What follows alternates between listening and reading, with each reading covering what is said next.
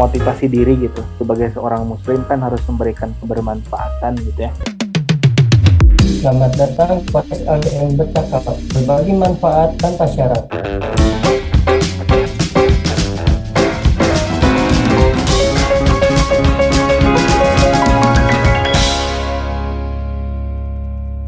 Bismillahirrahmanirrahim. Assalamualaikum warahmatullahi wabarakatuh kabar teman-teman semua? Semoga selalu dalam lindungan Allah Subhanahu wa taala, selalu sehat, berjuang banget ya di masa pandemi ini. Pokoknya tetap jaga kesehatan ya.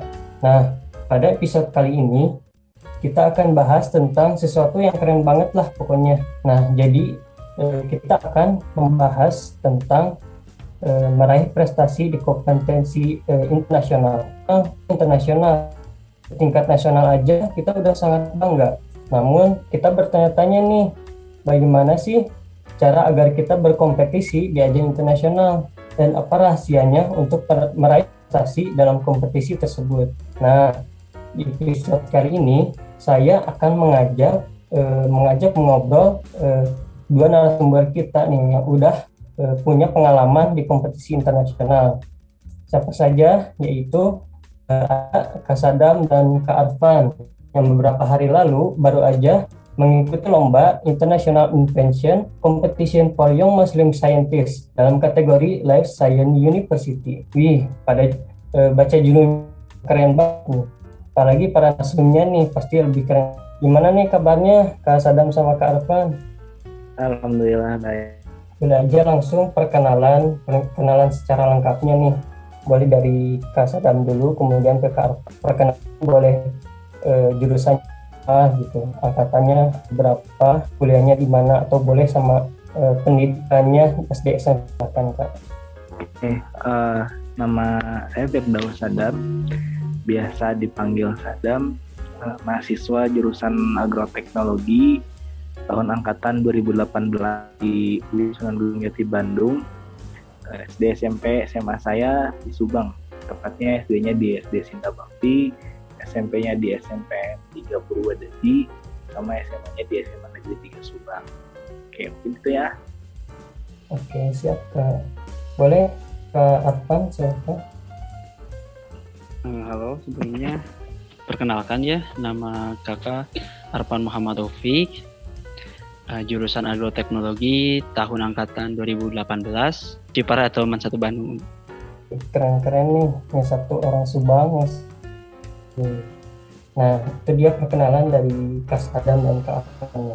Kalau teman-teman eh, masih kepo dengan eh, narasumber kita, boleh nih disebutin eh, akun medsosnya Kas Adam, apa itu? Eh, akun medsos Instagramnya yang boleh disebut? Uh, akun Instagram saya namanya uh, Firsadam sama dimulai dari huruf F sama kayak nama ya S-nya ya. dua, M-nya tiga itu aja mungkin lah. Nah, kalau Kak Arfan? Uh, kalau saya Arfan underscore MT Arfannya pakai V ya, bukan F atau P. Terima kasih. Oh, Nah, teman-teman bisa e, melihat keseharian dari Kak Sadam dan Kak Arfan tuh bisa dicek di Instagramnya, oke? Okay? Iya, aja ke pertanyaan nih. Ngomong-ngomong, e, apa sih yang mendorong kakak sekalian untuk mengikuti lomba tersebut, gitu, mengikuti lomba yang kompetisi internasional tadi? Boleh tidak?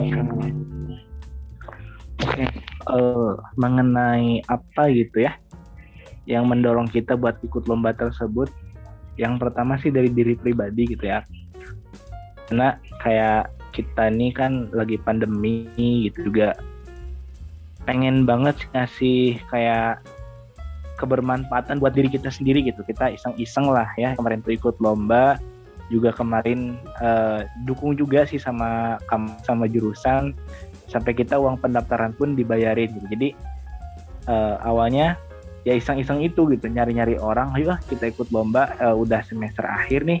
Tapi kita kayak belum bisa eh, belum pernah ikut lomba internasional gitu.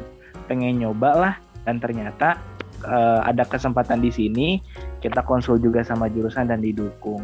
Ya alhamdulillahnya kemarin juga dapat prestasi kayak gitu. Keren banget tuh pokoknya nih ngomong-ngomong kan kita lagi ngebahas tentang kompetisi ya. Jadi mau saya mau tanya juga nih eh, kompetisi yang pertama kali kakak Putih apa sih kompetisinya? Sama eh, bagaimana perjalanan kakak gitu hingga sampai ke kompetisi internasional ini gitu. boleh kang Afan boleh menjawab?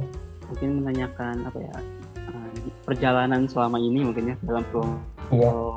diri itu udah mulai coba-coba semester itu juga dengan paksaan dari kakak tingkat ya. Uh, alhamdulillahnya semester 3 juga alhamdulillah dapat uh, juara.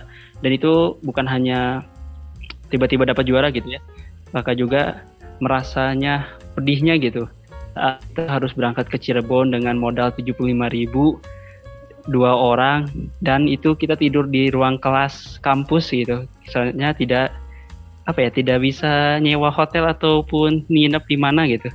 Dan itu alhamdulillah pulang-pulang kita dapat juara satu lalu kita juga belajar lagi mengembangkan gitu ya uh, minat kita juga terus ketemu juga sama Kang Sadam kan satu jurusan satu kelas juga. Kita sering diskusi dan hmm. kemarin ada kesempatan gitu di kampus sendiri ada lomba internasional. Wah rame kayaknya. Kita kumpul-kumpul dan alhamdulillahnya gitu kita ikuti dan um, juga didukung juga sama jurusan. Dan lah gitu dapat eh, prestasinya. Mungkin gitu sih tidak tiba-tiba juara juga lah penuh dengan rintangan ini membahas tentang kompetisi internasional nih, kompetisi yang tadi diikuti International Invention Competition for Young Muslim Scientists. Nah, boleh nggak uh, Sadam dijelasin gitu kompetisi ini seperti apa gitu secara ringkas? Oh iya, jadi uh, ICMS gitu ya, nggak International Invention Competition for Young Young Muslim Scientists ini itu uh, akan sama pihak kampus sama sains dan teknologi komunitas uh, perlombaan gitu di Indonesia. Nah, perlombaan ini juga singkatnya mah lebih kayak ke perlombaan mengenai uh, ilmu-ilmu dasar kayak biologi, fisika, kimia, sama juga mengenai pendidikan dan uh, apa uh, life science gitu jadi kehidupan sehari-hari gitu. Kayak gitu. Nah tingkatnya ini negara-negara Timur Tengah mungkin karena joinannya sama UIN Bandung gitu ya Universitas Islam. Kayak kemarin tuh ada dari Mesir ada dari Sudan. Pokoknya negara-negara Timur Tengah lah banyak. Gitu. dan pesertanya juga ini sangat beragam gitu. Dan mahasiswa ada tingkat SMA, SMP bahkan sampai tingkat SD pun ada. Mungkin itu Kak. Jadi cakupan kompetisinya itu cukup sangat luas ya. Oke. Lanjut nih eh, di kompetisi ini apa sih yang kakak-kakak tampilkan gitu eh, sebagai hasil karyanya yang ditampilkan itu seperti apa? Boleh jelaskan kan boleh? Mungkin uh, untuk karya yang kita tampilkan ya yaitu uh, ekstrak uh, dari lengkuas. Mungkin teman-teman juga udah tahu ya, salah satu yang sering digunakan oleh ibu-ibu yaitu lengkuas. Nah, kami di, dimanfaatkan sebagai pengendali hama khususnya kutu beras. Nah, kami di sini uh, menampilkan karya ekstrak dan minyak gitu, minyak dari minyak aksiri dari lengkuas ini. Karena kita ketahui ya kalau kutu beras itu sangat merugikan gitu. Khususnya untuk di gudang-gudang besar gudang beras kayak di Bulog ataupun di rumah-rumah ya, kita sendiri gitu ya. Nah kita memanfaatkan dari bahan dapur yang sederhana uh, lalu digunakan sebagai hmm, pengendali hama. Mungkin kayak kurang lebih gitu.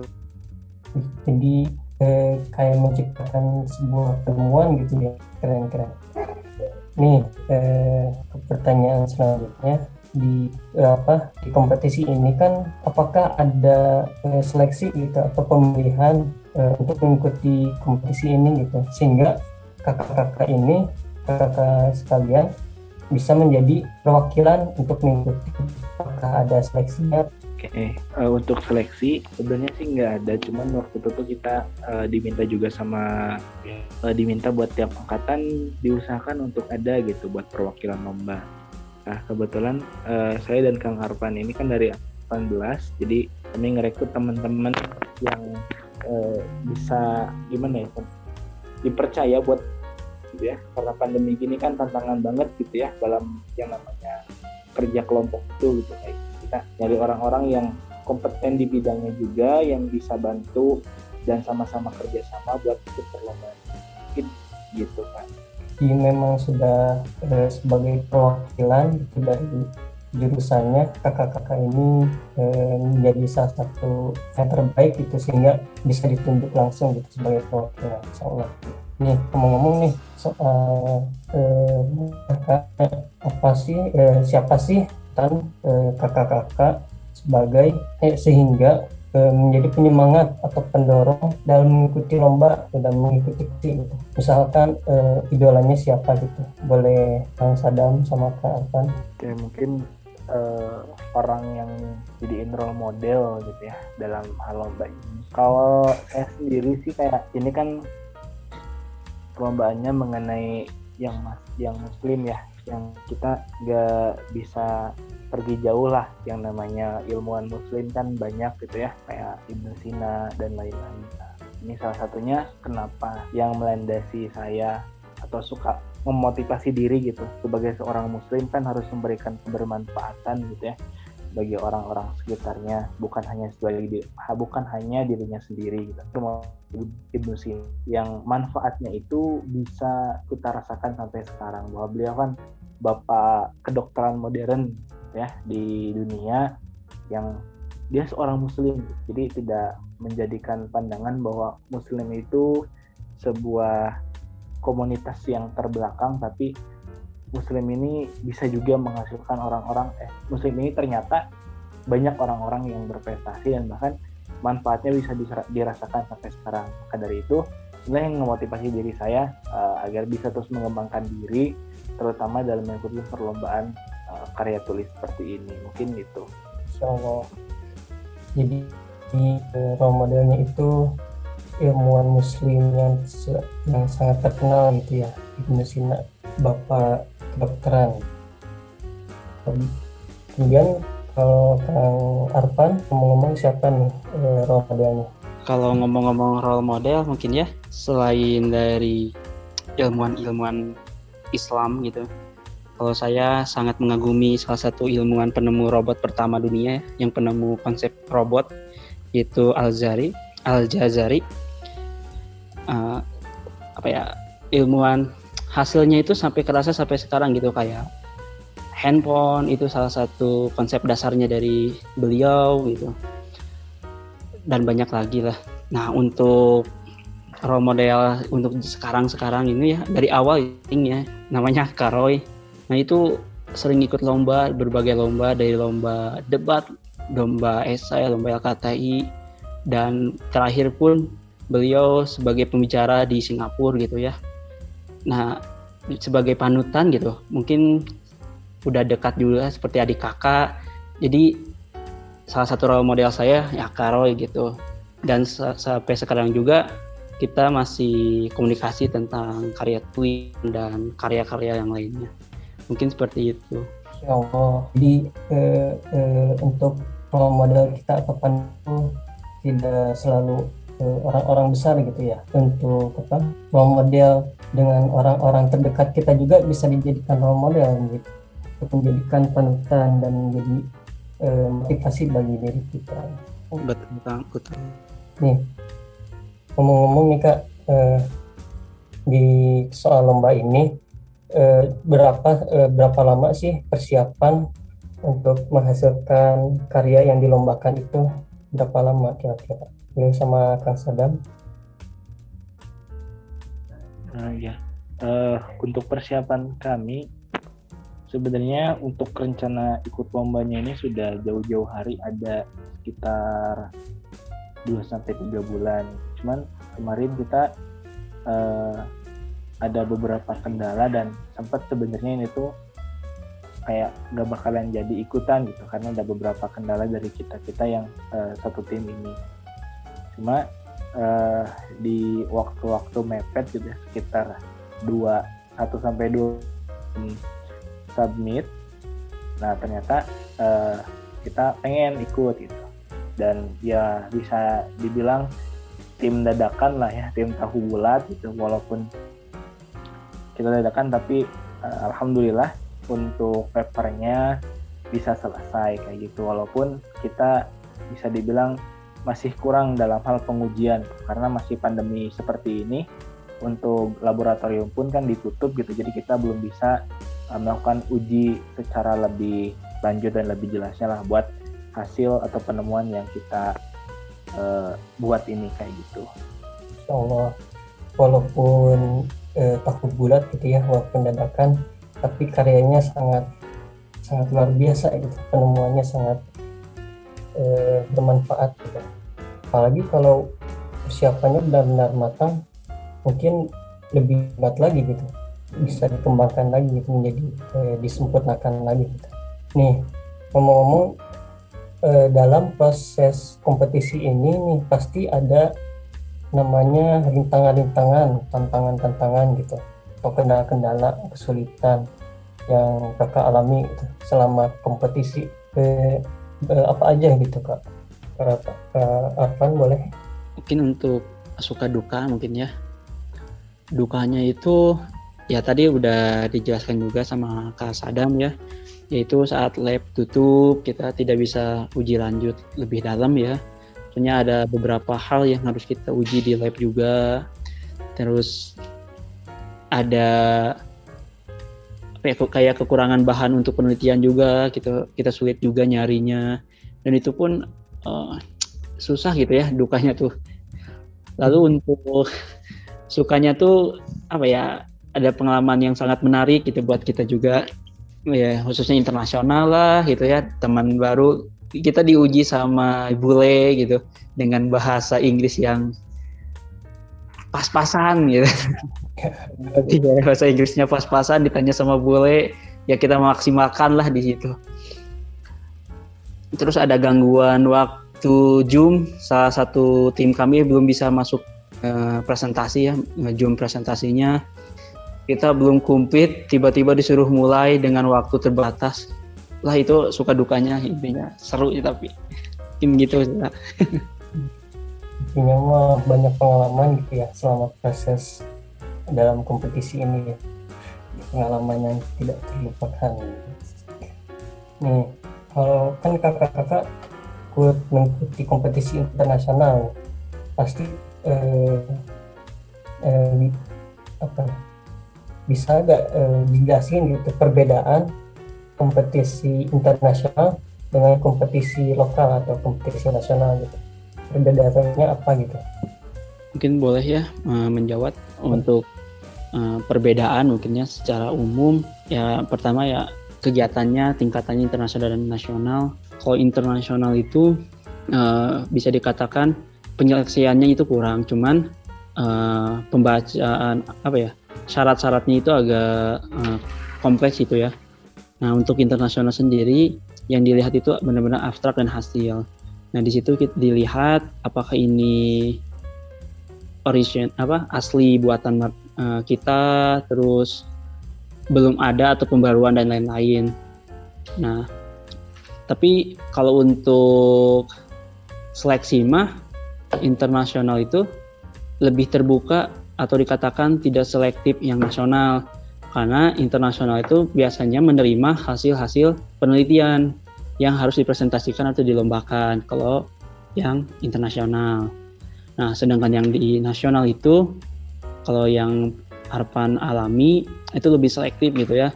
Dari pengumpulan abstrak ditunggu berapa minggu lalu eh, pengumpulan abstrak lalu ada pengumpulan full paper itu juga diseleksi diseleksi juga berapa minggu. Lalu baru kita apa jadi finalis dan mempresentasikan hasil karya kita. Mungkin lebih panjang selektifnya juga.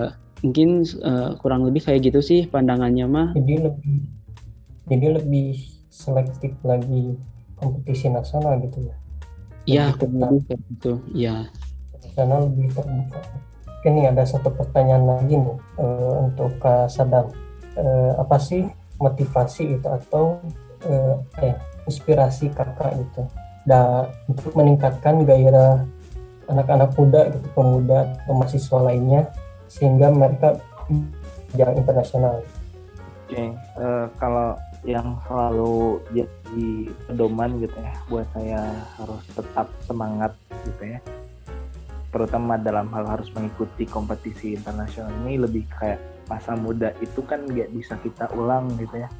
Sudah akan kita temukan dua kali yaitu hanya satu kali kesempatan. Dan apa pun nih yang didapatkan mas di masa muda ini pasti akan berdampak besar bagi kita di kemudian hari kayak gitu terutama saat ini sebagai mahasiswa uh, harus banget cari-cari info, harus menggali potensi gitu ya, harus tahu bahwa ternyata di luar sana ini banyak kompetisi-kompetisi yang ini bisa mengupgrade diri kita lebih baik lagi kayak gitu. Banyak pengalaman-pengalaman yang nantinya ini akan menjadi ilmu besar bahkan bakal jadi arah teman-teman untuk ke depannya itu seperti apa gitu kayak misalkan di lomba internasional ini kita dituntut buat kayak harus bisa benar-benar menguasai atau bisa bicara bahasa Inggris dengan lancar gitu kan. Ini kan ketika kita keterpaksaan lama-lama ini kan bisa jadi kebiasaan bahkan bisa jadi kayak wah dengan lomba internasional ternyata kemampuan bahasa Inggris saya bisa ditingkatin kayak gitu. Atau juga misalkan dengan lomba internasional saingan kita semakin luas ternyata oh banyak juga ya penelitian-penelitian dan kita lebih kayak wah ternyata di luar sana uh, orang-orang lebih berkembang dan kita lebih termotivasi lagi malah buat kayak terus berjuang, terus mengembangkan, terus berinovasi kayak gitu sih. Jadi intinya tuh selagi mahasiswa jangan pernah takut untuk mencoba dan terus semangat karena pengalaman itu adalah guru terbesar dan terbaik bagi kita. Itu mungkin oh luar biasa jadi dari apa yang saya tangkap eh, pembaan sehingga meningkatkan skill kita skill dalam berkomunikasi mungkin ya. Dan mungkin wawasan yang lebih luas lagi itu. Karena eh, interaksi atau sosialisasi kita lebih luas lagi gitu. Eh, ini kak eh, sebelum acara ditutup mungkin ada closing state uh, closing statement gitu dari Kak Arpan silahkan untuk khusus ya mungkin untuk teman-teman sebaya teman anak teman-teman atau anak-anak muda lah untuk generasi Z ya. Mungkin ada kata-kata dari sahabat Rasul yaitu Ali bin Abi Thalib yang tentang ilmu. Ikatlah ilmu dengan menulis Nah, untuk semua anak-anak, bila ingin dikenang oleh dunia, bila ingin hidup abadi, maka menulislah. Jadi, buatlah sebuah karya yang bermanfaat, buatlah nama-nama, buatlah nama kita tertulis gitu ya, tercatat dalam sejarah sebagai orang yang bermanfaat bagi umat dan agama. Mungkin cukup segitu. Terima kasih. Insya Allah ya, Masya Allah sekali. Eh, jadi inilah eh, kisah atau cerita dari Kasadam dan Kak Arfan gitu perjalanannya dalam mengikuti kompetisi di ajang internasional. Nah, semoga kita bisa mengikuti jejak ya, dari Kasadam dan Kak Arfan ini dalam meraih eh, prestasi di ajang internasional. Jadikan cerita kakak-kakak tadi eh, sebagai mendorong kita membanggakan eh, kampus gitu sekaligus eh, mengharumkan negeri tercinta kita ini. Terima kasih kepada Kak Sadam dan Kak Arfan yang telah meluangkan waktunya untuk berbagi kisah dan pengalamannya eh, mengenai eh, meraih, meraih prestasi di kompetisi internasional ini. Semoga semakin banyak teman-teman eh, dan semua orang gitu yang eh, berdakwah menebarkan kebaikan, menebarkan manfaat dan menjadi penggerak untuk proses perubahan. Terima kasih sudah mendengarkan LDM bercakap. Saya Fatur, pamit undur diri. Sampai jumpa di podcast selanjutnya. Wassalamualaikum warahmatullahi wabarakatuh.